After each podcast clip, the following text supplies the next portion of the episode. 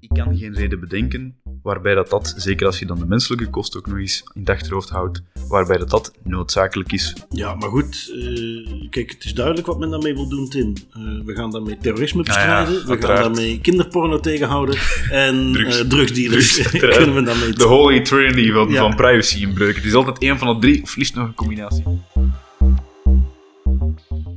Hallo en welkom bij Das Privé, jouw wekelijkse privacy podcast. Iedere aflevering praten we je bij over het reilen en zeilen in de wereld van privacy. Digitale spionage, boetes, datalekken, nieuwe technologie, privacy tools, oftewel alles dat er in een week gebeurt in privacyland. Ik ben zoals altijd Bart van Buitenen en ik heb Tim van Haren er weer bij om het privacy nieuws van deze week te overlopen. We hebben het weer gecureerd en eruit gehaald wat er echt toe doet. Wat hebben we deze week op het menu? Chinese telefoons bevatten censuurtools en sturen geëncrypteerde sms'jes. Amazon doet precies wat je mag verwachten toen ze aankondigden dat er biometrische camera's in bestelbusjes geplaatst gingen worden. En Servië zit te growth hacken, move fast, break things, facial recognition implementeren in Belgrado voordat er een wet is die het toelaat. Uiteraard hebben we ook nog onze privacyvragen. Eh, een eh, special van onze vriend van de show, Dries Patijn. Eh, en natuurlijk nog twee toeltjes die voorbij komen. En eh, Tim, eigenlijk hebben wij deze keer ook voor onszelf een beetje een primeur. Want Yes. wij doen dit voor het eerst face-to-face. Ja, ja dat, is, eh, dat is eigenlijk wel heel cool om dat nu eens face-to-face te doen. We waren er voor de opnames ook al over bezig. Hè. Dat het toch wel... Allee, dat is een ander gevoel, hè. Zo toch eens face-to-face kunnen babbelen en niet tegen een scherm. Ik hoop dat we dit meer kunnen doen. Ja, eens kijken wat voor een dynamiek dat met zich meebrengt. Yes, yes. Ehm, we doen ook een beetje als eh, voorbereiding op het Privacy Café Mhm. van het Data Protection Institute, DPI. Een instituut waar ik zelf ook les geef. Die hebben, ja, we pikken dat nu weer op na corona. Hadden altijd het Privacy Café. Heel leuk event waar een heleboel privacy professionals bij elkaar komen. Altijd een paar leuke sprekers. En daar gaan wij dan 18 oktober, als dat plaatsvindt, gaan wij ook een live sessie opnemen. Eh, als er nu een aantal mensen zijn die denken van, oh, interessant, daar wil ik ook bij zijn. Dan hoop ik dat het nog kan, maar dat kon lastig worden. Eh, de sessie is normaal gezien openbaar, het Privacy Café. Maar dit keer is er kans dat er zelfs met wachtlijsten gewerkt moet worden. En zijn eerste alumni en, en genodigden aan de beurt. Ehm, mocht daar nog een plekje vrij zijn en mensen hebben interesse om erbij te zijn, gaan we dat zeker laten weten. Eh, ik denk dat wij eh, met DPI wel wat plaatsjes kunnen afstemmen voor Das Privé luisteraars. Ehm, without further ado vliegen we dan gewoon in. Eh, Tim, je hebt de eerste meegenomen. Eh, China haalt natuurlijk al wel eens het nieuws eh, met hun smartphones, met wat spionage. En deze keer hebben we iets wat dat allebei mooi bij elkaar brengt. Ja, het is, het is interessant. Typisch China ook. Ze gaan eigenlijk stoute woordjes verbieden in hun smartphone-browser. Ehm, de Litouwse Nationale Cybersecurity Centra, die claimen bewijs te hebben gebonden voor ja, toch wel een paar verdoken functies in specifiek Xiaomi-smartphones. Ik denk dat ik dat goed uitspreek. Sorry voor de mensen die Chinees hebben gestudeerd en nu zoiets hebben van Jesus Tim, wat ben jij allemaal aan het zeggen? Ehm, er zijn een aantal dingen die ze hebben gevonden in die smartphones, die toch niet zo echt juist zijn. En dan specifiek eh, in de Mi-browser, dat is weer zo'n een of andere Chinese browser die daar standaard op staat, een beetje bloatware. Het eerste dat daar eigenlijk in staat is een automatische content filter, die afhankelijk, die aan de hand van een blacklist met 449 termen, zoals ja, de usual suspects, bevrijd Tibet, lang leven Taiwanese onafhankelijkheid, maar ook democratische beweging en Voice of America, dus je weet al waar dat dit naartoe gaat, die gaat die inhoud blokkeren. Dus als die termen ergens opgezocht worden in de browser of gedownload worden, dan gaat die browser, voordat dat gepubliceerd wordt, voordat dat eigenlijk wordt bekendgemaakt aan degene die de website bezoekt, wordt dat volledig geblokkeerd. Je kan daar niet op stout, je mocht niet weten dat, dat Tibet ooit vrij is geweest, etc. Een ander ding dat ook wel interessant is, eh, is de Mi-browser, die verzendt via de Chinese software Sensor Data, dat is ook een heel originele naam, binnen 61 parameters data over de handelingen van de gebruiker naar Xiaomi-servers, die toevallig ja, in landen staan waar de GDPR of andere privacywetgevingen niet van toepassing zijn. Hmm. I wonder why. Alsof dat nog niet erg genoeg was, dus je hebt een blacklist die stoute woordjes gaat verbieden en je hebt dan die, eh, die Mi-browser die die sensordata gaat verzenden voor de een of andere reden. Dan heb je ook nog de sms'jes. En wat is daar nu met die sms'jes aan de hand? Die sms'jes die doen een of andere geëncrypteerde phone home naar Xiaomi. Ze weten eigenlijk niet zo goed wat er in die encryptie en wat er in die geëncrypteerde berichten staat. Daarvoor is het ook geëncrypteerd. Maar ja, dat is ook wel zorgwekkend. Hè? Dat je een sms verstuurt en er dan plotseling een andere sms verzonden wordt naar Xiaomi, naar het bedrijf van de smartphones. Dat is heel vreemd. Nu, het resultaat daarvan, van die drie dingen, is heel simpel. De Litouws, het Litouwse ministerie van Defensie zegt eigenlijk simpelweg, smet die Xiaomi-smartphones en eigenlijk by default andere Chinese smartphones, smet die maar allemaal weg, want bye-bye is wifi privacy, daar kun je niet meer op rekenen. Wat denk jij daarvan? Wel, het is iets wat aansluit bij wat uh, Staatsveiligheid in België uh, een tijdje geleden aankondigde. Dat die ook aangaven, die uh, Chinese telefoons, daar hangen risico's aan, zullen we maar zeggen. Um, misschien nog nuttig om mee te geven, de, de, de censuurfunctie is wel uitgezet in ja, Europa. Juist. is op afstand in te schakelen, maar is iets wat ze wel uit hebben gezet. Nu goed, ja, zoals we met uh, dit soort IT-dingen altijd weten, ja, als het op afstand in te schakelen is, dan gaat dat dus ook wel eens een keer gebeuren. Um, voor de rest, ja, het, past in een straatje. Ik, ik weet, ik heb gelezen dat ze nu, uh, Xiaomi heeft aangekondigd, ja, wij gaan uh, extern onderzoek inschakelen, wij gaan dit laten uitzoeken. Mm. Uh, want sure, we zijn het er niet mee eens. Ja, ja, onafhankelijk extern onderzoek door een Europees bedrijf.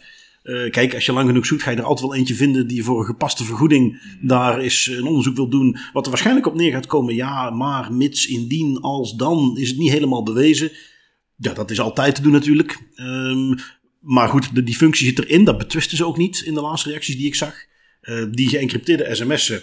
Ja, nou ja, dat, dat kan natuurlijk iets heel onschuldigs zijn waarbij ze zeggen, ja, mee, daarmee activeren wij de garantie. Maar dat kan ook iets heel anders zijn. En Het met zijn- de track record die ze hebben. Ja, voilà, het zijn die twee dingen ervoor. Hè, en als dan nog die geëncrypteerde sms erbij komt, dat is, dat is eh, niet goed. Hè. Ik, ik heb het ook... Ik, ik vind het soms een heel cliché om, als we het over privacy hebben, om zo te gaan zwaaien met George Orwell en het boek 1984, et cetera. Maar nu kan het toch echt bijna niet anders. Nu zijn we toch echt naar... Toch in China zijn ze naar een realiteit aan het gaan waarbij dat ze proberen om bepaalde begrippen en bepaalde stukken geschiedenis eigenlijk volledig te elimineren uit de, uit de mensen hun... hun ja, Je ziet er ook hè? iets, iets, iets wat echt ingaat tegen hoe wij daar in Europa naar kijken. Maar waar Mhm. ze daar steeds meer eh, toewerken naar de maakbare maatschappij. ja, Als in, je kunt mensen volledig opleggen hoe ze zich moeten gedragen. Je kunt ze straffen als ze de verkeerde dingen doen. Je kunt ze overal in de gaten houden. En, en, je kunt dus, en, en dan kunnen ze zeggen van ja, maar wij maken mensen toch alleen maar bravere, productievere mensen. Maar in feite ben je gewoon het hele principe van mensen hebben nog een beetje hun vrije wil. En eh, de- daar gaan ze volledig tegenin. En ja, dat, ik vind dat aan de ene kant is, is het natuurlijk een ontzettend interessant experiment. Uh, want ik blijf erbij, of ik, ik voel aan dat die mensen in China. eh, Je, kunt daar maar zo ver in gaan. Toch op een gegeven moment moeten ze daar toch ook zoiets hebben van ja, nu, nu is het wel genoeg geweest. Uh, Nu pikken we het niet meer. Daar vang je natuurlijk redelijk weinig van op. Ik, ik denk dat ze in staat zouden zijn om als daar een protest is waar ze ze met duizenden tegelijk neerslaan, dat ze dat onder, kunnen onderdrukken, dat wij daar hier in het Westen nooit iets van gaan horen. Maar daar zit ik een beetje op te wachten. Wanneer gaan we eens signalen krijgen dat men ook in China het niet meer pikt? Nee, nee, inderdaad. En ook, maar zelfs als er... Allee, dat vind ik altijd heel interessant, want dat is inderdaad de, het moeilijke aan die hele situatie daar. Zelfs al zou er iets zijn in China dat ooit is gebeurd. Er zijn al gebeurd, zaken gebeurd. Tiananmen Square bijvoorbeeld, waar het met tanks over studenten werd gereden. Wij in het Westen weten dat allemaal nog, maar gaat dat in China eens proberen opzoeken, informatie daarover? Ja, dat is veel moeilijker. Dus Ja. dat, om, ze kunnen het niet naar buiten brengen als ze het niet weten. Dus als ze dat kunnen perfectioneren, dat is een zeer gevaarlijk ding. Dus ja, het, het volgende voorbeeldje van de inzet van tech om te onderdrukken. Ehm, goed, dat was dan Chinees, maar uiteraard kennen we er in het Westen ook iets van. Ja, ja, en, eh, zeker. Dat is mijn voorbeeldje. Ik heb eh, een artikeltje van Vice.com meegenomen. Eh, Amazon, we hebben daar al een keer aandacht over gehad. Eh, dat was toen Amazon in bestelbusjes van die AI-camera's ging installeren. En dan werd er gezegd van ja, we gaan dat doen om de veiligheid te verbeteren. Het idee was dat er misschien ook adviezen konden gegeven worden. En we eindigden toen een beetje met van ja, Kijk, theoretisch is dit ook op positieve manieren in te zetten. Dus we zullen het zien. Wel, ondertussen hebben we het gezien. Ehm, en goed, ja, eh, wat gebeurt er als Amazon eh, biometrische camera's in die bestelbusjes installeert? Wel, misbruik en fout, uiteraard. Ehm, het is dus iets wat in februari werd aangekondigd. Ze hebben daar een eh, AI-startupje, Netradyne, wat ze daarvoor ingeschakeld hebben. Uh, altijd leuk die naam, uh, voor de liefhebbers van wat oudere films. Uh, we kennen Cyberdyne, hè, de oprichter van Skynet. Nou, daar moeten ze er weer een beetje op aan laten sluiten. Maar er werd dus aangekondigd uh, van ja, we, we, gaan die innovatie toepassen om onze bestuurders veilig te houden, om te zorgen dat ze zich beter gedragen op de weg. Uh, voor iedereen beter. Uh, wat is de werkelijkheid? buschauffeurs beschrijven als zij worden afgesneden op de weg, dat er dan ergens een automatische stem klinkt doorheen de speaker: houd afstand! En dat ze hun bonus voor die dag kunnen missen. Het idee, hè, geheel Amerikaans natuurlijk. Je verdient als chauffeur bijna niks, maar als je heel goed bent en je bent braaf, dan krijg je een bonus. En op die manier vervul je de American Dream nog, want je krijgt er wat extra bij. Wel, iedere keer als er dus nu wordt gezegd dat je iets verkeerd hebt gedaan volgens die AI, dan ben je een stuk van je bonus kwijt. En wat die chauffeurs zeggen is van ja, wij worden eigenlijk voor bijna alles gestraft. En, en de helft van de eh, Amerikaanse vloot van Amazon bestelbusjes heeft dit al. Uh, en die chauffeurs geven dus aan van ja, op het moment dat wij in de, de zijspiegel kijken uh, of eventjes aan de radio zitten, dan krijgen we al strafpunten. Als wij een stopbord voor ons hebben, maar wij moeten iets verder rijden om even op het kruispunt te kunnen kijken wat er aan de hand is, maar we stoppen wel, dan krijgen we strafpunten. Uh, dat voorbeeldje van, ja, we worden dus afgesneden in het verkeer. Dat telt dus als iets van niet genoeg afstand houden, terwijl er eigenlijk iemand ineens voor jou schiet en je daar niks aan kunt doen. Uh, die start-up Netrodyne werkt op basis van toestemming. Je voelt al aan dat die medewerkers volledig vrij zijn om toestemming te geven in deze context. In de, het idee van ja, als je niet meedoet, heb je deze baan niet. Dus nou, dat is de definitie van vrije toestemming. Um, wat ze voor de rest meegeven, uh, ook nog wel interessant, want dat is ook weer ja, waar je uit af kunt leiden dat Amazon uh, een aantal dingen opzet met echt de bedoeling om hier aansprakelijkheid af te kunnen schuiven. Want het zijn geen echte Amazon-medewerkers. Het zijn, uh, er zijn een stuk of 2000 kleine bedrijfjes die dan op hun beurt in totaal weer 115.000 mensen in dienst hebben. Dat is de vloot van bestelbusjes van Amazon. Nu goed, zou je zeggen van ja goed, dat zijn dan dus aparte bedrijfjes. Uh, wat wel zo is, is dat in de contracten met die bedrijfjes Amazon hele duidelijke verplichtingen oplegt. verplichtingen zoals ook kleding moeten die mensen dragen. Wel voor mensen ga je aannemen? Wat voor salaris ga je ze geven? Hoe moeten ze routes indelen? Uh, veiligheidsverplichtingen, waar dan dus die biometrische camera's onderdeel van zijn. En uh, ja, uh, we hebben het dus over vier van die camera's die daar dus continu op die buschauffeurs gericht zijn. En het sluit een beetje aan op iets wat ik deze week ook op Twitter is gooide. Van waarom denken we eigenlijk nog dat die big tech bedrijven dat wij die moeten verplichten of dat wij mogen verwachten dat die waarden zoals ethiek en, en uh, de fundamentele rechten en vrijheden van mensen gaan uitdragen. Kijk, dat doen ze zolang het past bij hun bottom line. Maar zodra dat soort dingen in de weg staan van winst of wetgeving in landen waar ze graag actief willen zijn, dan gaat het meteen de deur uit. En hier dus kennelijk ook, als ze dat soort dingen in kunnen zetten om hun eigen personeel te onderdrukken. Sorry, niet hun eigen personeel. Nee, nee, nee, personeel, niet, niet eigen personeel. Ja, precies. Uh, dan uh, laten ze het niet zitten. En ja, het zoveelste voorbeeldje natuurlijk van uh, mooie inzet van dat soort biometrie. Ja, het is ook, het is soms misschien een cliché om te bashen op big tech, maar je gaf er ook wel een interessant punt aan. Hè, van ja, zolang de bottomline, zolang dat dat strookt met privacy, dan is er geen probleem. Maar op het moment dat die bottomline, die krijgt altijd prioriteit. Winst en groei, dat is het belangrijkste voor die big tech. Daarom zijn ze ook zo groot geworden in de eerste plaats eens dat privacy daar een obstakel voor wordt, dan wordt het ook achtergelaten. Of gewoon mensenrechten, of gewoon degelijk omgaan met mensen of met uw werknemers. En ze niet proberen om via overeenkomsten en allerhande zaken toch maar niet afhankelijk te maken van u als bedrijf, want het zijn geen werknemers van Amazon. Het zijn allemaal zo van die trucjes. Allee, ja, alles moet, in, alles moet uit de weg gaan voor de groei van Big Tech. En op een bepaald moment werkt het model niet meer, tenzij dat je terug op de remmen gaat staan en gaat zeggen, kijk, wat we hier doen is het is too much, het is te veel, we zijn te veel rechten aan het spelen. En, en, was het dan maar zo dat het systeem gewoon niet werkte? Ja. En, en dat ze het dan op een gegeven moment gaan afvoeren. Maar hier zie je wat is natuurlijk het, het, het neveneffect wat Amazon hier wel heel goed uitkomt. Omdat al die chauffeurs stuk per stuk ergens wel een keer iets doen waardoor ze hun bonus kwijt zijn voor die dag, zit hier ook een gigantische kostenbesparing in. Klopt. Klopt, en je hebt de illusie ook hè, van, ah ja, kijk, we kunnen, een, we kunnen een bonus krijgen als we netjes rijden en we promoten daarmee de veiligheid van het rijgedrag van de chauffeurs, bla bla bla. Daar kan een heel leuk politiek uh, discussietje achter zitten. Maar inderdaad, in de praktijk, als je ziet waarvoor die mensen beboet worden, om het dan zo te zeggen, ja, die kunnen continu fluiten naar hun bonus. Dus dat is de illusie van, een extra, van extra inkomsten en zo kunnen ze ook hun loon onderdrukken. Dus heel dat model gevoelt dat ook aan, dat, dat is echt gericht op het uitbuiten van mensen. Dat is hoe dat ik dat ook aanvoel. Dat is hoe uh, Amazon nu op de laatste tijd vooral uh, de pers haalt.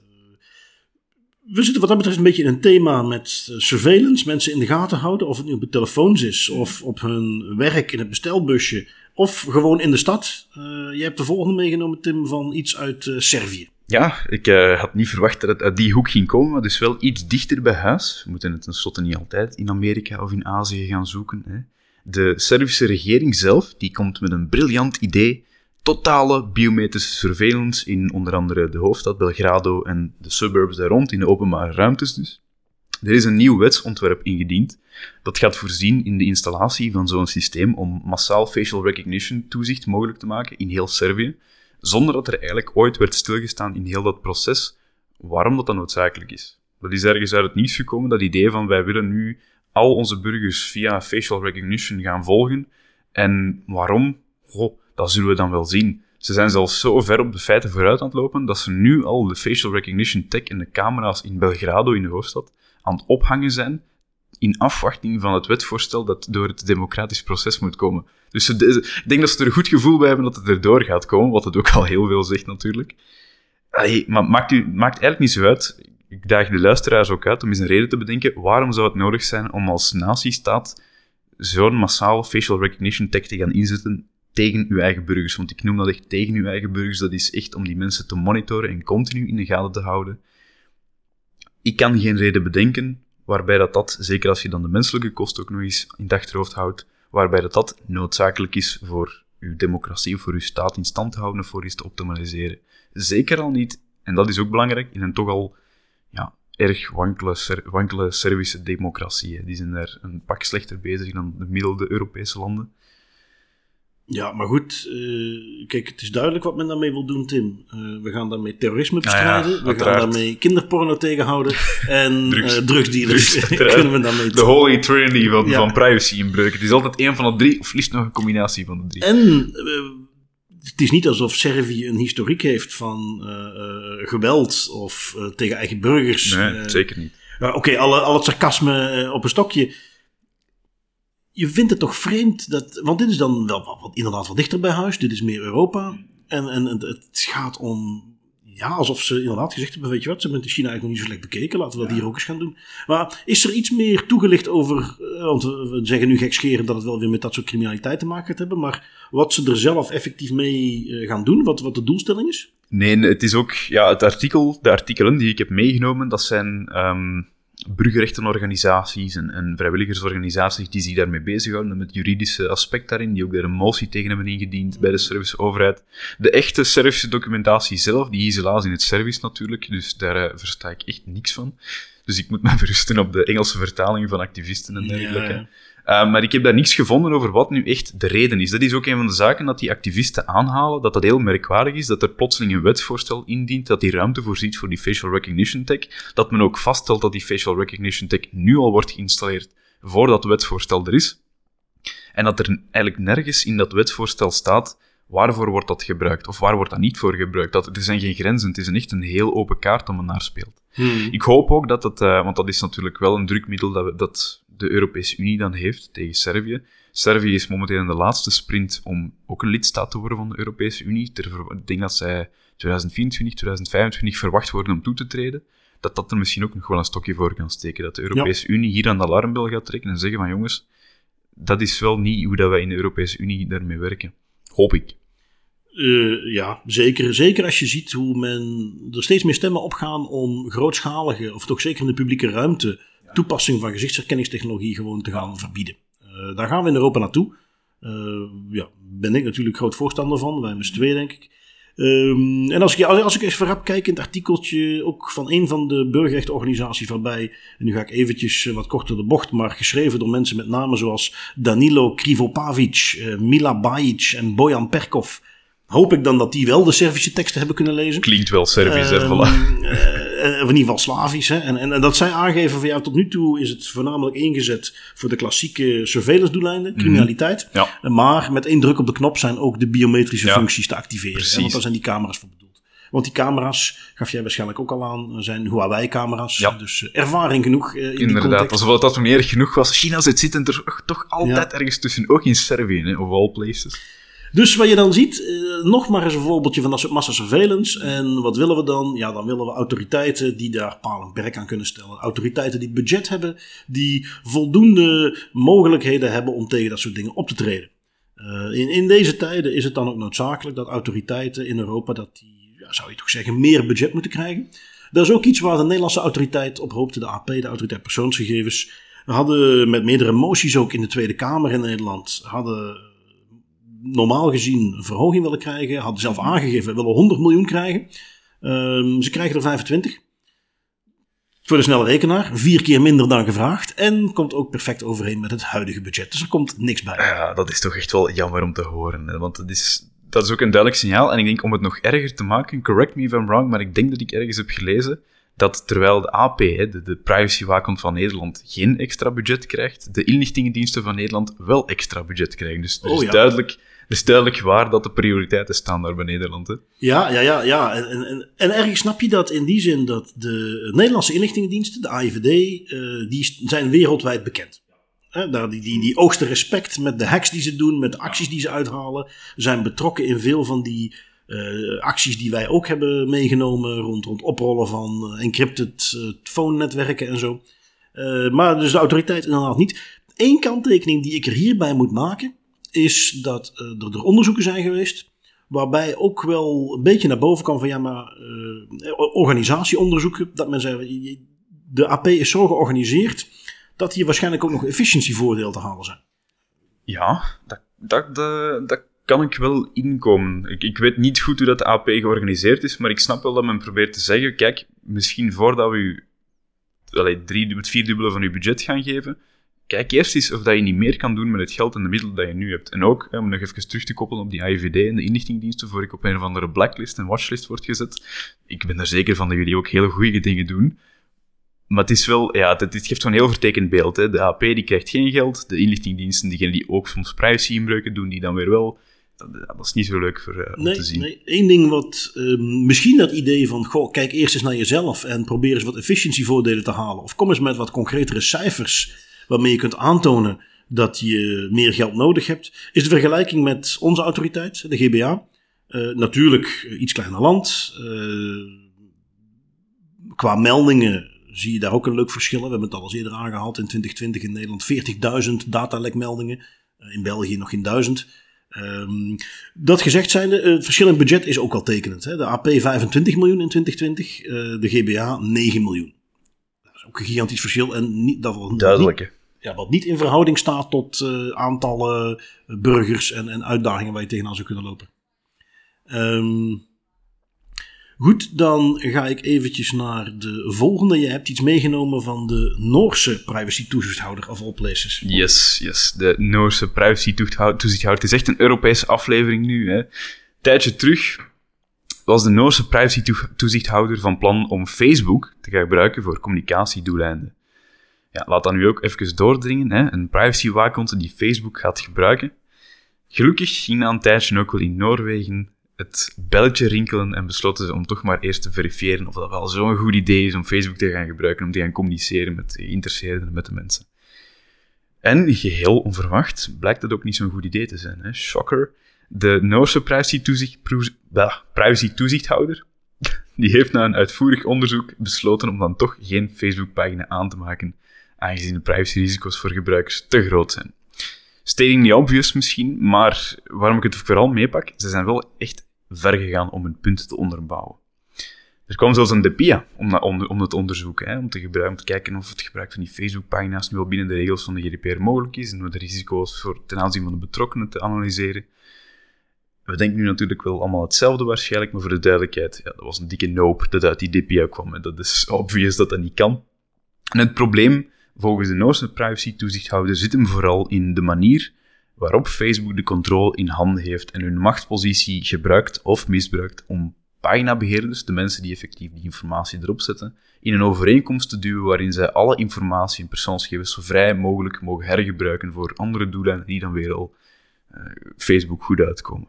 Dus daar ook, daar ook weer, ik, ik snap het wel ergens, de Noorse privacy-toezichthouder die zoiets heeft van wij willen helder en duidelijk communiceren en een heel groot deel van de bevolking zit nu eenmaal op Facebook. Misschien was dat de logica erachter. Langs de andere kant, Ergens moet je een grens trekken en ben ik heel blij dat ze die grens getrokken hebben en ook onderbouwd hebben waarom dat het geen slim idee is. Ja, de enige kanttekening die ik daarbij had toen ik het las, is dat is leuk dat de Noorse toezichthouder de tijd en de middelen heeft om daar eens eventjes een volledige Data Protection Impact Assessment op los te laten. Uh, dat kun je natuurlijk niet verwachten van een heleboel andere organisaties. Dus ik had liever gezien dat ze in die zin het, het veel tastbaarder, simpeler, concreter hadden gezegd.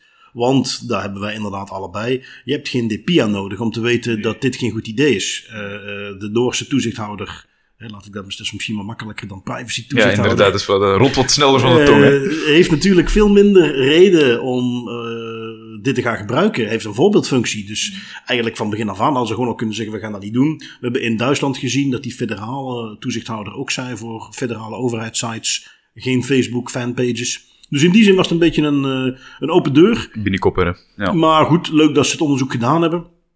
Um, wat betreft onderzoek, ik kwam een artikeltje tegen van de website, ja, niet meteen de meest gekende, windscribe.com, maar vond ik heel interessant. Dat ging over VPN's. En ik weet, als ik zelf al eens uh, VPN's was gaan bekijken, uh, we hebben er op onze Das Privé Tooltip ook twee staan. De, ja, je gaat daar onderzoek doen en dan kom je om te beginnen al, al tientallen VPN-review sites tegen. Waar ik altijd al dacht, ja, daar, kan ik niks mee, dat, dat, dat stralen ze ook uit. Maar goed, ze zijn er wel. Ben je daar iets minder in thuis, is het misschien iets waar je meteen naar gaat kijken. En dit artikeltje ging erover hoe er eigenlijk een soort uh, consolidatieslag aan de gang is tussen al die VPN-providers. Want die blijken dus langzaamaan eigendom te worden van allemaal dezelfde eh, bedrijven. Um, een, een, bedrijfje JT, uh, J2 Global is het die onder andere bijvoorbeeld IGN, Mashable, PC Mac eh, onder zich heeft. Dus eh, een bekende in het eh, IT-landschap. Die heeft de VPN's IPVanish, StrongVPN, uh, EncryptMe en nog een paar andere. Hebben die allemaal gekocht in 2019. Zitten dus nu allemaal onder dezelfde noemer. Uh, als je het hebt over een beetje een probleem met belangenverstrengeling. Want zij publiceren dus zelf ook die VPN-review sites. Mm. Ah, Oké, ja. de cirkel is rond. Dan, ja, ja, precies. Inderdaad. Uh, Cape Technologies, nog een groter bedrijf die uh, dat ook doet. Ook zo'n investeerder. Die uh, hebben ZenMate Private Internet Access, PIA. Eentje die ik ook al wel ken, hebben die ook opgekocht. Daar gaat soms grof geld in om. ZenMate destijds 2018 werd voor 4,8 miljoen gekocht. Private Internet Access kostte al 95 miljoen. Klap op de vuurpijl Express VPN. Dit jaar gekocht, zeer recent gekocht. 936 miljoen. Bijna een miljard voor een VPN-provider. Dan bedenk ik mij twee dingen. Eén, ja, daar moet dus enorm veel geld serieuze business in zitten. Ja. Um, en vooral omdat dit dus um, uh, bedrijven zijn. De andere was een mediabedrijf. Dit, uh, Cape Technologies, is een bedrijf gespecialiseerd in uh, adware en browser hijacking software. En die doen dan die VPN's. Um, ja, goed, straks bij het privacy tool komt daar natuurlijk ook een gevolg wat we daaruit kunnen trekken. Uh, want wij gaan dus even een kleine shift moeten doorvoeren in de aangeboden VPN's. Want ExpressVPN staat dus bij mij heel erg op de no-no-lijst. De beloftes van we houden geen logs bij, we doen uh, privacy dingen. Kijk, je moet er altijd een beetje vertrouwen in hebben. Dat, er is altijd een, een, een niveau dat je moet zeggen: Oké, ik heb wat gelezen en ik ga er gewoon vanuit dat ze dit doen. In deze context, nu ze daar zijn overgenomen, uh, kunnen we dat gewoon meteen schrappen. Uh, dus ja, dat vond ik uh, interessant. Ja, zorg, interessant, maar vooral zorgwekkend ook. Hè, dat er heel veel, dat er toch een aantal investmentbedrijven zijn die zeggen, kom ja, we gaan nu al die VPN's, we gaan die opgrijden, want daar zit ook interessante data. Wat dat ook heel ironisch, want dat is denk ik wel de reden dat ze dat opkopen. Eén, omdat er wel een goede business achter zit, maar ook omdat ze daar misschien wat interessante datapoints uit kunnen halen. Ik zou anders niet weten waarom dat een advertentiebedrijf ExpressVPN gaat opkopen voor zoveel geld. Kijk, privacy is geld. Privacy ja. is populair. Je hebt ook heel veel aanbieders van toeltjes uh, rond privacy. Dus in het, in het beste geval is het dat ze er allemaal geld in zien. Kopen ze al die dingen op, gaan ze daar geld mee verdienen. Maar dan, dan weet je wat er gebeurt. Dan gaan ze voor efficiëntie voordelen. Dan gaan ze het op dezelfde server zetten. Dan gaan ze uh, shortcuts nemen om het uh, efficiënter te kunnen doen. En in het slechtste geval, omdat je ook kijkt waar die bedrijven vandaan komen, gaan ze wel degelijk logs bijhouden. Gaan ze die data minen. En ik wil niet uh, beroepsgedeformeerd en al te cynisch zijn, maar dat is toch eerder waar ik aan denk. Ja, en ik bedoel, beroepsgedeformeerd en te cynisch. Ik denk dat ervaring ons na bijna negen maanden podcast, als ik me niet vergis, ook al heeft geleerd dat ja, helaas ja, ja. het negatieve antwoord vaak het juiste is. Om nog maar even terug te blikken op Amazon met hun biometrische camera's. Dat was ook eerst, ja, misschien gaat het wel voor een positief doeleinde gebruiken. Nee, helaas niet. Nee, en, en zo hebt dat vertrouwen in dus een aantal van die VPN-diensten weg. Ehm, een andere organisatie die ook goed bezig is om het vertrouwen langzaam te laten weghebben is eh, de GGD. Je had er nog eens eentje meegenomen uh, van de NOS. Wat, uh, wat is de GGD nu weer aan het doen? Ja, wat zijn ze nu weer aan het doen? Ja, een, een, aantal medewerkers van de Nederlandse GGD's, de gemeentelijke gezondheidsdiensten, die zijn op non-actief gezet vanwege mogelijkse fraude met de vaccinatiebewijzen en QR-codes die daar aanhangen. Je verwacht het niet. Shocker, I know. Bij de GGD's, dat zou het toch ook niet zeggen, hè? En dit trouwens in verschillende GGD's, GGD-regio's. Dus het is niet dat we hier kunnen spreken van een isolated incident, van een freak accident. Het is hier echt wel iets dat blijkbaar systematisch fout gaat. Hoe kan het ook anders? Een aantal medewerkers zouden zo dus valse vaccinatieregistraties hebben aangemaakt in hun systemen, eh, waardoor men QR-codes kon uitdelen aan mensen die eigenlijk helemaal niet gevaccineerd zijn en zo eigenlijk schrift, schriftelijke vervalsing plegen. Nu, het officiële statement van de GGD gaat als volgt, ik quote, Helaas kunnen we ondanks alle waarborgen niet volledig uitsluiten dat er medewerkers zijn die misbruik maken van het systeem waartoe ze vanwege hun werkzaamheden toegang hadden. Indien een overtreding ontdekt wordt, wordt hier direct op geacteerd, hetgeen kan leiden tot aangifte en ontslag op staande voet. Ik vind dat een heel zwak statement. Ik weet niet wat jij... Ik ben eens benieuwd wat jij ervan denkt, Bart. Want ik vind dit zo... Dit is een heel politiek statement van... Ja, ja, we kunnen er niet al te veel aan doen. Ik denk dat je er heel veel aan kan doen als organisatie. Wel, wel. Uh, ik ga dan toch even de, de, de stem van de reden uithangen. Oké, oké. Okay, ehm, want het, eh, in die zin klopt het. We kennen dat in, in een medische context, zie je dat vaker. Mensen hebben nu eenmaal toegang tot medische dossiers. Dat heb je mhm. nodig, want dat, is, je werk. En als vervolgens iemand besluit om dan daar foto's uit te gaan nemen, of daar informatie uit te halen en die door te verkopen aan paparazzi of, of wat dan ook, uh, door te verkopen aan verzekeraars. Um, ja, ergens stopt het wat je daarmee kunt doen. En dan zitten we op het punt van, ja, we kunnen wel iedereen een uh, borstcamera ophangen en, en alles bij gaan houden, maar uh, zover gaan we niet gaan. Dus ergens snap ik het argument je kunt een aantal dingen doen uh, om misbruik tegen te gaan, om fraude tegen te gaan. Maar uh, sommige gaten ga je altijd blijven houden. Hier gaat dat volgens mij niet op. Uh, het is te zeggen, je kunt uh, dingen zo doorvoeren dat, dat je die fraude zoveel mogelijk beperkt. Technische maatregelen nemen. De aantal mensen wat die codes kan genereren kun je beperken. Je ziet dat op dezelfde manier als we het hebben over bijvoorbeeld, pak maar iets als betalingen. Je hebt mensen in een bedrijf die moeten facturen klaarzetten, die moeten betaald worden. Maar vervolgens zijn er maar één of twee mensen die effectief op de knop kunnen drukken. En die moeten die dingen bekijken. Is dat eh, haalbaar hier? Weet ik niet. Je zou ook kunnen zeggen van ja, maar als je er zo duizend op een dag moet genereren van die QR-codes. Ja, dan werkt dat dus niet meer. Dan moet je dat gaan delegeren. En, en ja, daar zie ik dus dat men effectief wel in een situatie kan zitten dat je het inderdaad niet allemaal kunt controleren. En dat je dan, uh, daar zie je wat wij altijd in ons werk ook zien. Hè. Je hebt de combinatie van technische maatregelen, dingen die je kunt dichtzetten op een manier dat je dus kunt voorkomen dat mensen er misbruik van maken. En op een bepaald niveau moet je dingen met organisatorische maatregelen afdekken. Uh, policies, eh, NDA's, eh, strafmaatregelen als ze zich er niet aan houden. Um, kijk, de GGD heeft natuurlijk het een beetje tegenzitten dat ze historisch gezien heel veel maatregelen niet hadden genomen die ze hadden kunnen nemen. En daar zit hier waarschijnlijk de lacune. Maar ik ben het in die zin eens met de stelling: je kunt het nooit 100% dichttimmeren. Je gaat altijd mensen, als die het per se willen misbruiken, ja, dat gaat altijd kunnen. Ja, nee, 100% beveiliging, dat bestaat inderdaad niet. Dat is heel lastig om te bereiken. Dat is, dat is ook een, fabeltje. Er is altijd inderdaad wel iets dat fout kan gaan. Zij het een menselijke fout, zij het een zero day of iets dergelijks. Maar ik vind het, ja, misschien, misschien komt daar mijn, mijn uh, een beetje vandaan van het idee van, kijk, die GGD's, ze hebben het voorbije jaar wel stevig verknald met een aantal zaken. Misschien is dit de zoveelste blunder, misschien is dit inderdaad iets waar ze gewoon echt niks meer aan konden doen. Dat, uh, nou ja, jij benadrukt het punt dat uh, een vertrouwensbreuk heel snel geregeld is en niet snel meer te herstellen is. En dan, wie weet dat ze hier echt hebben, alles hebben gedaan wat ze kunnen, maar ja, je hebt moeite om het te geloven. En het is dat ook vooral, het is de, de communicatie, want dit, ook, dit voelt ook weer al als zo'n een sussend en ja, natuurlijk wel correct antwoord. Ze hebben waarborgen genomen en ze kunnen niet alles uitsluiten van, van misbruik door medewerkers. Maar dit voelt aan als exact dezelfde boodschappen die ze vroeger hebben gedaan uh, toen er wel effectief zaken zijn fout gelopen bij de GGD's. Dus op den duur inderdaad, die vertrouwensbreuk is er. En je weet niet meer, ja, is dat nu oprecht of is dat nu gewoon terug een beetje een politiek antwoord en een beetje sussend en niet transparant. Dus ja. Ja. Um, gaan we door met een, een tweakers.net artikeltje. Uh, de Russen vallen nog maar eens een keer aan. Het is weer eens digitale spionagetijd. Uh, we lopen daar aan tegen een entiteit die Ghostwriter heet. Een hackersgroep die niet zozeer zoals je bij veel van die ransomware gangs ziet. in Rusland actief zijn en, en een beetje gedoogd worden. Maar iets wat echt gelieerd wordt aan de Russische overheid zelf. Die tot doel hebben om heel veel Europese journalisten en politici te hacken. De Europese Raad is dan met een statement gekomen. En, en daar uh, komt een, een, zwakheid van het Europese model komt daar heel erg uit naar voren. Uh, ze hebben namelijk in redelijk zwakke bewoording gezegd van foei Rusland, uh, vinden wij echt niet tof, moet je niet doen.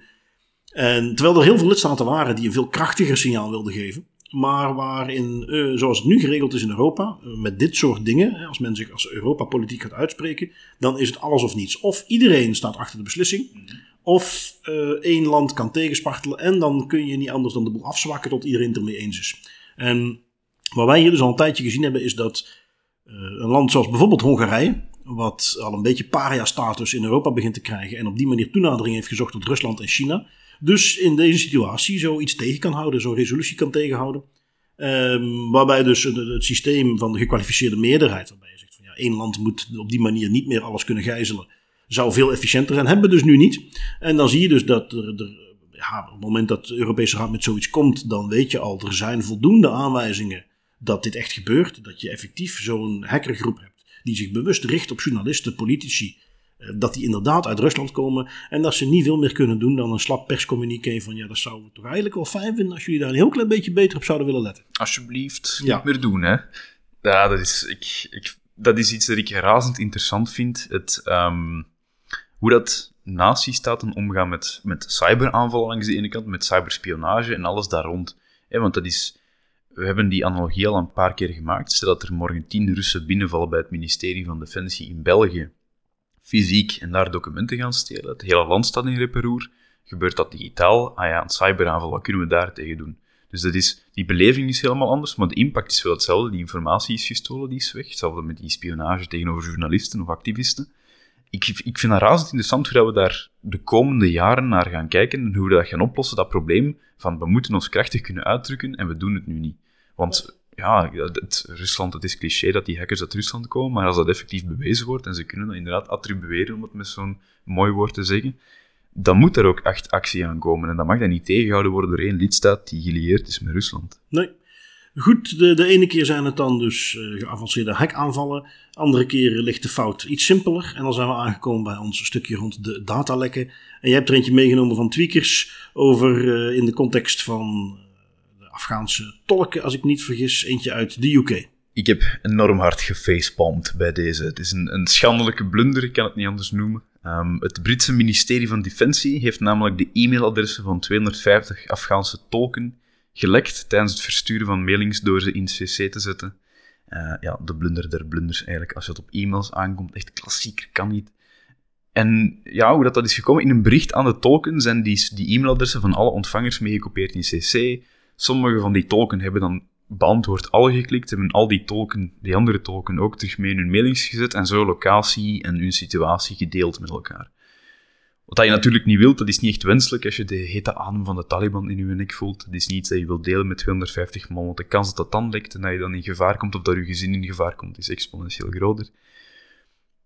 Ook hier, dit is gewoon iets om mee te nemen. Dit is een schandelijke blunder en dit is oersimpel op te lossen. Hier bestaan al zo lang oplossingen voor. Hè. Een das privé, dat is beter tip die ik hier kan meegeven. Stel dit gewoon zo in dat de menselijke fout technisch wordt uitgesloten, want hier zijn eigenlijk geen excuses meer voor. Hè. Bijvoorbeeld om het maar even te zeggen, in de Microsoft Exchange-omgeving, de Customizable Recipient Limits, dat, is, dat kan je eigenlijk gebruiken. Dat is een instelling die je kan gebruiken om het aantal ontvangers van mailing automatisch te beperken tot een acceptabel cijfer.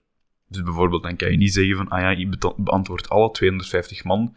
Dan komt er een waarschuwing op van, ja, maar kijk eens, je zit hier naar 250 man een e-mail aan het sturen. Is dat wel zo slim of wordt het automatisch geblokkeerd? Dus er zijn echt wel, en dat is een van de voorbeelden om dat te gaan ja, om, om daar preventief in te gaan werken en ervoor te zorgen dat die menselijke fout, wat dat best kan, op de verkeerde knop ja. dat dat er wordt tegengehouden. Dit is er eentje uh, waar we het hebben over, hier zijn technische maatregelen voor. Nu, jij zegt, ik heb de blunder der blunders meegenomen, ik denk dat ik het beter kan. Um, we hebben hier een datalekje uit Thailand, 106 miljoen reizigersgegevens. Kan ook tellen, ja. Uh, niet alleen gewoon uh, foutje datalek, maar stonden op een publiek toegankelijke Elasticsearch database. Uh, ben je dus, beste luisteraar, ergens in de laatste tien jaar op reis geweest naar Thailand, zit je hier waarschijnlijk tussen. En ja, dat ging over gegevens zoals naam, geslacht, visatype, wat voor je residentiestatus was. Voor de rest niet al te veel gevoelige gegevens, maar dus wel, uh, al is het alleen maar reispatronen, naam, toename, alles wat er in die zin bij hoort. Dus uh, een oepsje die kan tellen. Uh, ze hebben dat ondertussen natuurlijk uiteraard dit gezet, maar het is niet iets wat ze zelf hadden gezien, maar waar ze dan ook weer op werden gewezen door iemand, een externe. Um, in die zin hebben we qua datalekken nu het wat over de wereld. Ik heb er ook nog eentje meegenomen van de Daily Swig uh, in Zuid-Afrika. Ook een datalekje.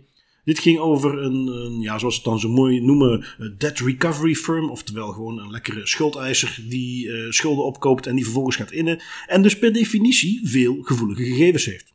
Um, ehm, 1,4 miljoen Zuid-Afrikanen zitten in dit datalek. Hier is de lijst met gegevens iets uitgebreider. We hebben het, ja, zoals ze het dan zo mooi noemen, hè, degene waar ze het geld komen halen, noemen ze een customer. Um, een uh, naam, achternaam, uh, contactgegevens, e-mail, mobiele telefoonnummers, de identiteitsnummers van de klanten, rekeningnummers, transactiegegevens, hoeveel, hoeveel geld moet je nog betalen, hoeveel heb je al betaald, gegevens van de werkgever, want uiteraard wordt daar soms ook geld gehaald. Dus ja, met andere woorden, echt een flinke berg gegevens en dus nu 1,4 miljoen. Uh, waarbij, we weten natuurlijk altijd wel, datalekken komen over heel de wereld voor. Maar ja, als je het zo nog op een rijtje zet en ook met dat wij dat iedere week doen. Hoeveel data zwerft er eigenlijk wel niet over het internet? Hoeveel is er al verzameld? Om de zoveel tijd komt er weer eens een hackersforum waarin ze dan eens een paar van dat soort datalekken allemaal bij elkaar gooien. En waarin je dan zoiets hebt als van ja, 3 miljard records uh, ja. inzet. Ja, precies. Hè. Die ene ook. Eh, in Thailand was het zeker. Hè. Tien, tien jaar aan reizigersgegevens gewoon open op het internet door een Elasticsearch database. Het is nu gevonden, maar dat staat al lang open. Hè. Dat staat al misschien vijf of tien jaar open, want het staat er al tien jaar in.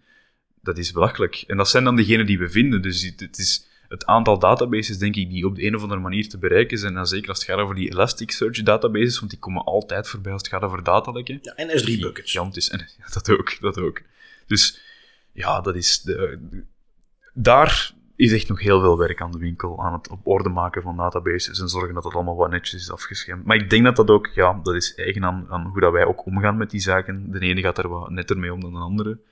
Het, het jammer is, en dat is iets, ik, ik ben uh, sinds deze, ja, sinds vorige week weer gestart met een opleiding Information Security bij Thomas More, waar ik dan lesgeef aan, aan mensen die ja, net van school komen. En ik vind het altijd leuk om de les te starten met wat, wat simpele voorbeeldjes die ik dan uit het nieuws heb gehaald. Uh, en, en dan vraag ik, ja, wat, wat is nu de grootst gemene deler? Wat valt jullie op als je al deze data lekker op een rijtje zet? En het antwoord is altijd hetzelfde. Ja, eigenlijk, dit zijn hele simpele dingen. Dit, dit, dit is prima te voorkomen. Dit is geen gesofisticeerde hackaanval waar men jaren in geïnvesteerd heeft. Uh, kwetsbaarheden die nog niemand kent, misbruikt heeft. Dit zijn de simpele dingen. Mm -hmm. Wat ik ook in die opleiding meegeef, als je alle dingen die ik de komende maanden jullie ga meegeven al zou toepassen, 95% van de datalekken die het nieuws halen, die, die zouden niet meer gebeuren. Oh ja, ja, dat klopt. Inderdaad, het zit hem echt in de kleine, simpele dingen. Hè. Dat is ook een, een, denk ik, een, beetje een misvatting en een mythe als het gaat over cybersecurity en, en ook privacy natuurlijk. Je kunt daar de duurste tools op zetten en de duurste systemen met de graafste namen, maar als je al begint met de basale zaken op orde te zetten, een beetje accountbeheer, een beetje toegangscontrole, zorgen dat het allemaal wat netjes verloopt in een mooi proces, daar ben je al zoveel mee en dat moet niet veel kosten. Nee, absoluut. En ja, tot die tijd misschien dat, dat dingen zoals boetes de mensen wat dat betreft mm -hmm. dwingen naar... Je kunt beter investeren in security dan in boetes. You will respect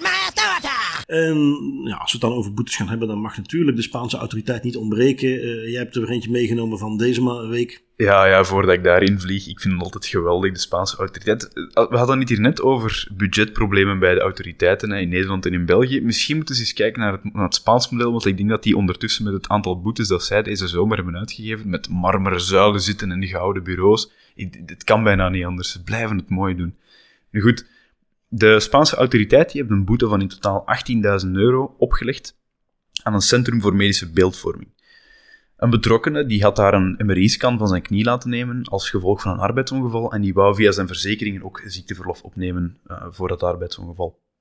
Nu, die verzekeringsmaatschappij die vroeg dus ter controle, wat dat ook mag, het rapport van de MRI-scan op bij het Centrum voor Medische Beeldvorming tot daar was alles nog logisch, maar hier ging het dan fout, want het medisch centrum ja, dat verzond ook een rapport met een MRI-scan van een eerder ongeval, buiten het werk, naar de verzekeraar. En in de beoordeling verwees de verzekeraar dus ook naar een MRI-verslag van het ongeval buiten de werktijd. En schreef hij de arbeidsongeschiktheid van de betrokkenen toe aan de gebeurtenis in plaats van aan het ongeval. Dus er waren twee MRI-scans en ja, hij kreeg, zijn, hij kreeg zijn ziekteverlof niet toegekend, omdat zij, de verzekeraar zei, kijk jong, dat is leuk dat jij nu een arbeidsongeval hebt meegemaakt, maar we zien dat je nogal eens een MRI-scan hebt gepakt van je knie en er was ook al iets aan de hand, dus we kunnen niet zeggen dat dat te wijten is aan het arbeidsongeval.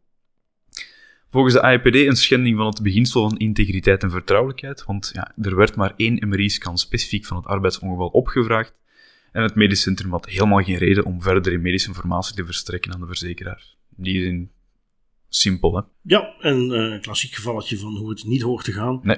Dat is ook de reden waarom een verzekeraar helemaal niet zomaar dat soort gegevens kan opvragen. Mhm. Uh, die moeten daar uh, op zijn minst toestemming voor hebben. Dat moet op een andere manier geregeld zijn dan hoe het hier kennelijk ging. Dus een mooi voorbeeldje. En dan vind ik eigenlijk dat die boete nog vrij laag is.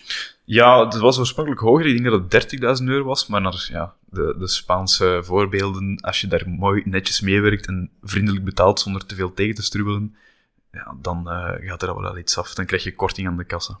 Nu goed, uh, autoriteiten doen ook nog iets anders dan boetes geven. En daar hebben we hier een mooi voorbeeldje van onze GBA meegenomen. Die hebben een gedragscode goedgekeurd. Uh, het principe van gedragscode is iets wat al bestaat in de GDPR ja, sinds het begin. Men voorzag daar van ja, kijk, die wetgeving is soms zo generiek. Want die moet op iedere mogelijke verwerking van toepassing zijn. Dat we daar iets in gaan voorzien wat toelaat om dit uh, soms wat specifieker te maken. Dat je binnen een bepaalde sector kunt zeggen: we hebben hier afspraken gemaakt die dan de wat generieke bepalingen van de GDPR specifiek maken in een bepaalde sector. Dat is een gedragscode. Die moet dan goedgekeurd worden door de autoriteit. Is iets wat dus al jaren bestaat als principe, maar wat we nog maar heel weinig gezien hebben. We hebben nu sinds kort voor uh, cloud providers hebben we er eentje op Europees niveau. En nu hebben we er dus in België ook eentje voor de notarissen. Uh, gedragscode die door de Kamer van Notarissen is opgesteld, is voorgelegd. En die er dus voor zorgt dat uh, notarissen wat wat. Ja, het, is geen garantie. Het is niet dat je zegt van oké, ik sluit me aan bij die gedragscode als notaris zijnde. En ik beloof dat ik me daar netjes aan hou. Dat je dan ineens je niet meer druk hoeft te maken over de GDPR. Um, maar neemt niet weg dat het wel ook voor een notaris veel meer zekerheid biedt. Ten eerste omdat zo'n gedragscode veel concreter maakt wat er van je verwacht wordt. En ten tweede, als je er effectief aan houdt en je loopt toch tegen iets aan, kun je veel makkelijker aantonen. Ja, shit happens, maar we hebben gedaan wat we konden. Uh, kijk maar, we hebben die gedragscode netjes gevolgd. En het is dus iets waarvan we hopelijk op heel veel uh, plekken, heel veel sectoren, nog zo'n gedragscode gaan zien. Ik hoop dat ook, want zo'n gedragscode ontmantelt in mijn ogen een van de grootste argumenten tegen de, de GDPR-wetgeving en tegen privacy in het verlengde daarvan dat de GDPR-wetgeving te breed is. En dat voor bepaalde sectoren dat het echt niet duidelijk is hoe dat, dat moet geïmplementeerd worden. Hey, bijvoorbeeld met, uh, met de Brexit nu, met de UK GDPR, die ze willen reviewen en willen aanpassen. Dat is een van de zaken, een van de stokpaardjes daar, waar nu heel hard op wordt ingezet. Dat idee van de GDPR is de grote boosdoener voor KMO's, is de grote boosdoener voor bepaalde sectoren, want die weten helemaal niet hoe dat ze dat moeten doen. Veel te breed, veel te onduidelijk. Die gedragscodes die voorzien daar net in dat het allemaal voor die specifieke sectoren, zoals bijvoorbeeld notarië en notaris, dat het allemaal wat duidelijker wordt. Dus ik vind het in die zin ik vind dat heel leuk en ik vind het een nog altijd um, pijnlijk ondergebruikt toeltje. Dat wordt eigenlijk aangeboden door de, door de GDPR-wetgeving. Ja. Um, zijn we toe aan onze privacyvragen? Ik gaf al aan dat we een, een mooi keer hadden meegekregen van uh, Dries Partijn. Die uh, ook al eens geholpen heeft om zelf vragen te beantwoorden, maar die er nu zelf eens eentje had wat zei hij? Op de rechtbank wordt nu lustig gefilmd voor een tv-programma. TV-makers zeggen vooraf dat wie niet gefilmd wil worden, dit moet melden. Opt-out dus. Maar lijkt de opt-in-regel van toepassing te zijn. Slechts filmen indien toestemming. dat is die, die bekende tweedeling. Opt-out betekent je moet het laten weten als je het niet wilt. Opt-in betekent nee, je moet eerst laten weten dat je het wilt en dan pas kan dit uh, gebruikt worden. Um, de vraag was dus van, ja, kan dit op deze manier? Mogen ze gewoon zeggen van, ja, by the way, we zijn hier aan het filmen. Als je het niet wilt, dan uh, moet je maar even laten weten. Uh, omdat dit er wel eentje is waar, waar, context heel belangrijk is, heb ik daar met Dries nog wat contact over gehad. Die heeft nog wat dingen meegegeven, zoals het feit dat dit geen openbare zitting was. Hoe dit liep is dat er dus op een, een, een, zitting waar je, soms kan dat, je kunt naar de rechtbank toe gaan. En er zijn openbare zittingen, dan kun je gewoon aanschuiven en eens kijken hoe de rechtsstaat in elkaar zit. Dat was hier niet het geval. Uh, men is kennelijk al sinds juni aan het filmen. Het gaat om een programma voor VTM. Um, in deze specifieke situatie was er dan aangegeven van ja, wij, wij uh, willen niet dat er gefilmd wordt. Um, dan was het de verwachting dat je dan nog even wat extra gegevens aan de productieteams zou geven. Uh, naam, telefoonnummer, om het dan te verwerken. Uh, wat dan weer inging tegen zo'n ander basisprincipe wat we kennen in de verwerking van persoonsgegevens, namelijk niet meer gegevens dan nodig. En wat hier dus gezegd is van ja, nee, al die gegevens moet je allemaal niet hebben. Uh, een rechtszaak, een, een, een, een, zitting, die heeft een rolnummer. Uh, die, die, heeft, die hebben, heeft een rol waar alle zittingen op staan. En dan kun je gewoon het rolnummer doorgeven om te zeggen: kijk, van deze zaak mag je geen opnames uh, gebruiken. Um, de vraag was dan van ja, is dit iets waar je toestemming voor moet vragen of waar je dus op die manier inderdaad die opt-out kunt doen? Um, met dat wat te gaan uitzoeken is er één ding wat ik daar zeker mee moest nemen. Dat is het principe van de journalistieke uitzondering. Je hebt in de context van de GDPR, heb je eh, toch in ieder geval in de, de, de versie die men daar dan in België van gemaakt heeft. Er zijn bepaalde dingen. Het is Europese wetgeving, dat blijft. Maar er zijn bepaalde aspecten die je als land zelf mag invullen, hoe je dat concreet doet. En een van de dingen waar zo'n vrijheid bestaat, is dus journalistieke uitzonderingen. En daar zijn we in België redelijk ver in gegaan. Um, er zijn een aantal artikelen in de wetgeving die niet meer gelden als jij zegt ik doe het uit journalistieke overwegingen. Wat dan precies journalistiek is, is ook weer redelijk breed omschreven. Als jij zegt van ja, ik, ik hou mij aan de journalistieke deontologische regels. Er is dus geen officiële erkenning nodig. Ja, dan, dan kan dat. Als ik met mijn blogje dingen ga doen, dan kan ik dat ook gaan inroepen. En dan hoef je niet meer van tevoren te informeren. Dan als je een datalek hebt, moet je niet meer melden bij de autoriteit. Nog wel bij de persoon die het betreft overigens. Je moet bepaalde dingen zoals een Data Protection Impact Assessment niet meer uitvoeren. Wat daar trouwens niet tussen staat, is dat de basisprincipes die in de GDPR staan, die zijn nog steeds van toepassing. Um, als ik het dus wat samenvat, uh, Dries, dan kom ik hierop uit. In deze context, zeker gelet op de situatie en ook een rechtszaak die niet publiek toegankelijk is, um, toch duidelijk uh, recht op privacy, wat ook daar geldt laten we nog even aspecten zoals het feit dat advocaten zelf beroepsgeheim hebben. Ja, dan kan het toch ook niet zomaar dat die dingen eh, opgenomen worden en op die manier verspreid worden. Um, zou ik hier heel duidelijk zijn, hier was toestemming voor nodig om die opnames te kunnen doen. Ja, ja. En zelfs al zou het niet uh, vanuit een wetgeving verplicht zijn geweest dat het toestemming is, wat dat wel, dat is het nu wel, is het ook gewoon netjes om het even te vragen aan de mensen. Van kijk, hallo, mogen wij u filmen? Uw rechtszaak, is dat allemaal wel oké of niet? En, en ook, ik het heeft er niet specifiek mee te maken met die toestemming, maar ik vond dat wel een leuke, leuke kleine anekdote naar een beetje meer privacy by design denken. Het idee van, ik wil niet gefilmd worden, dus ik moet nu heel veel gegevens gaan afstaan, zodat men mij kan identificeren en kan zeggen, die persoon mag niet gefilmd worden. Of we vragen gewoon het lotnummer aan van de rechtszaak, en daarmee is de kous ook af. Ik vind dat, dat is zo'n mooi verschil van exact hetzelfde probleem dat je op twee manieren kan oplossen, waarbij dat je aan, aan de ene kant veel minder gegevens gaat verwerken. Ja, en, en voor dat productiehuis, wat is nu een veel slimmere manier om dit aan te pakken? Je kunt, als je dan die akkoorden hebt met de rechtbank om zo'n programma te gaan maken, laat dan van tevoren alles even navragen. Bij welke zaken mogen wij opnames mhm. doen en bij welke niet? Dan ja. voorkom je heel die romslomp en weet je dat meteen van tevoren. Um, een vervolgvraag eh, via Twitter was dan ook: ja, hoe zit het eigenlijk met die ringcamera's? Uh, tegenwoordig ook een bedrijfje van Amazon, zeer toepasselijk. Um, ringcamera's, ik heb er zelf ook eentje. Zo'n klein mobiel cameraatje met een accu erin die je overal neer kunt zetten. Je hebt ze ook meer in de context van een slimme deurbel. Um, het lastige daarmee is dat generiek, zo'n camera, ja, dat is zo'n camera en daar kun je dingen mee opnemen. Het hangt er heel erg vanaf wat je ermee doet, hoe je hem inzet, wat er wel en niet mag. Een deurbel op zich hebben is geen probleem. Uh, de vraag van uh, de Twitter-gebruiker, NoSint was ja, dezelfde vraag voor alle ringcamera's die tegenwoordig verschijnen. En waarvan we geen idee hebben wat er met de beelden gebeurt en waarom deze eventueel worden opgeslagen of waar. Een, een pamflet met wettelijk kader om eigenaars te informeren zou mooi zijn.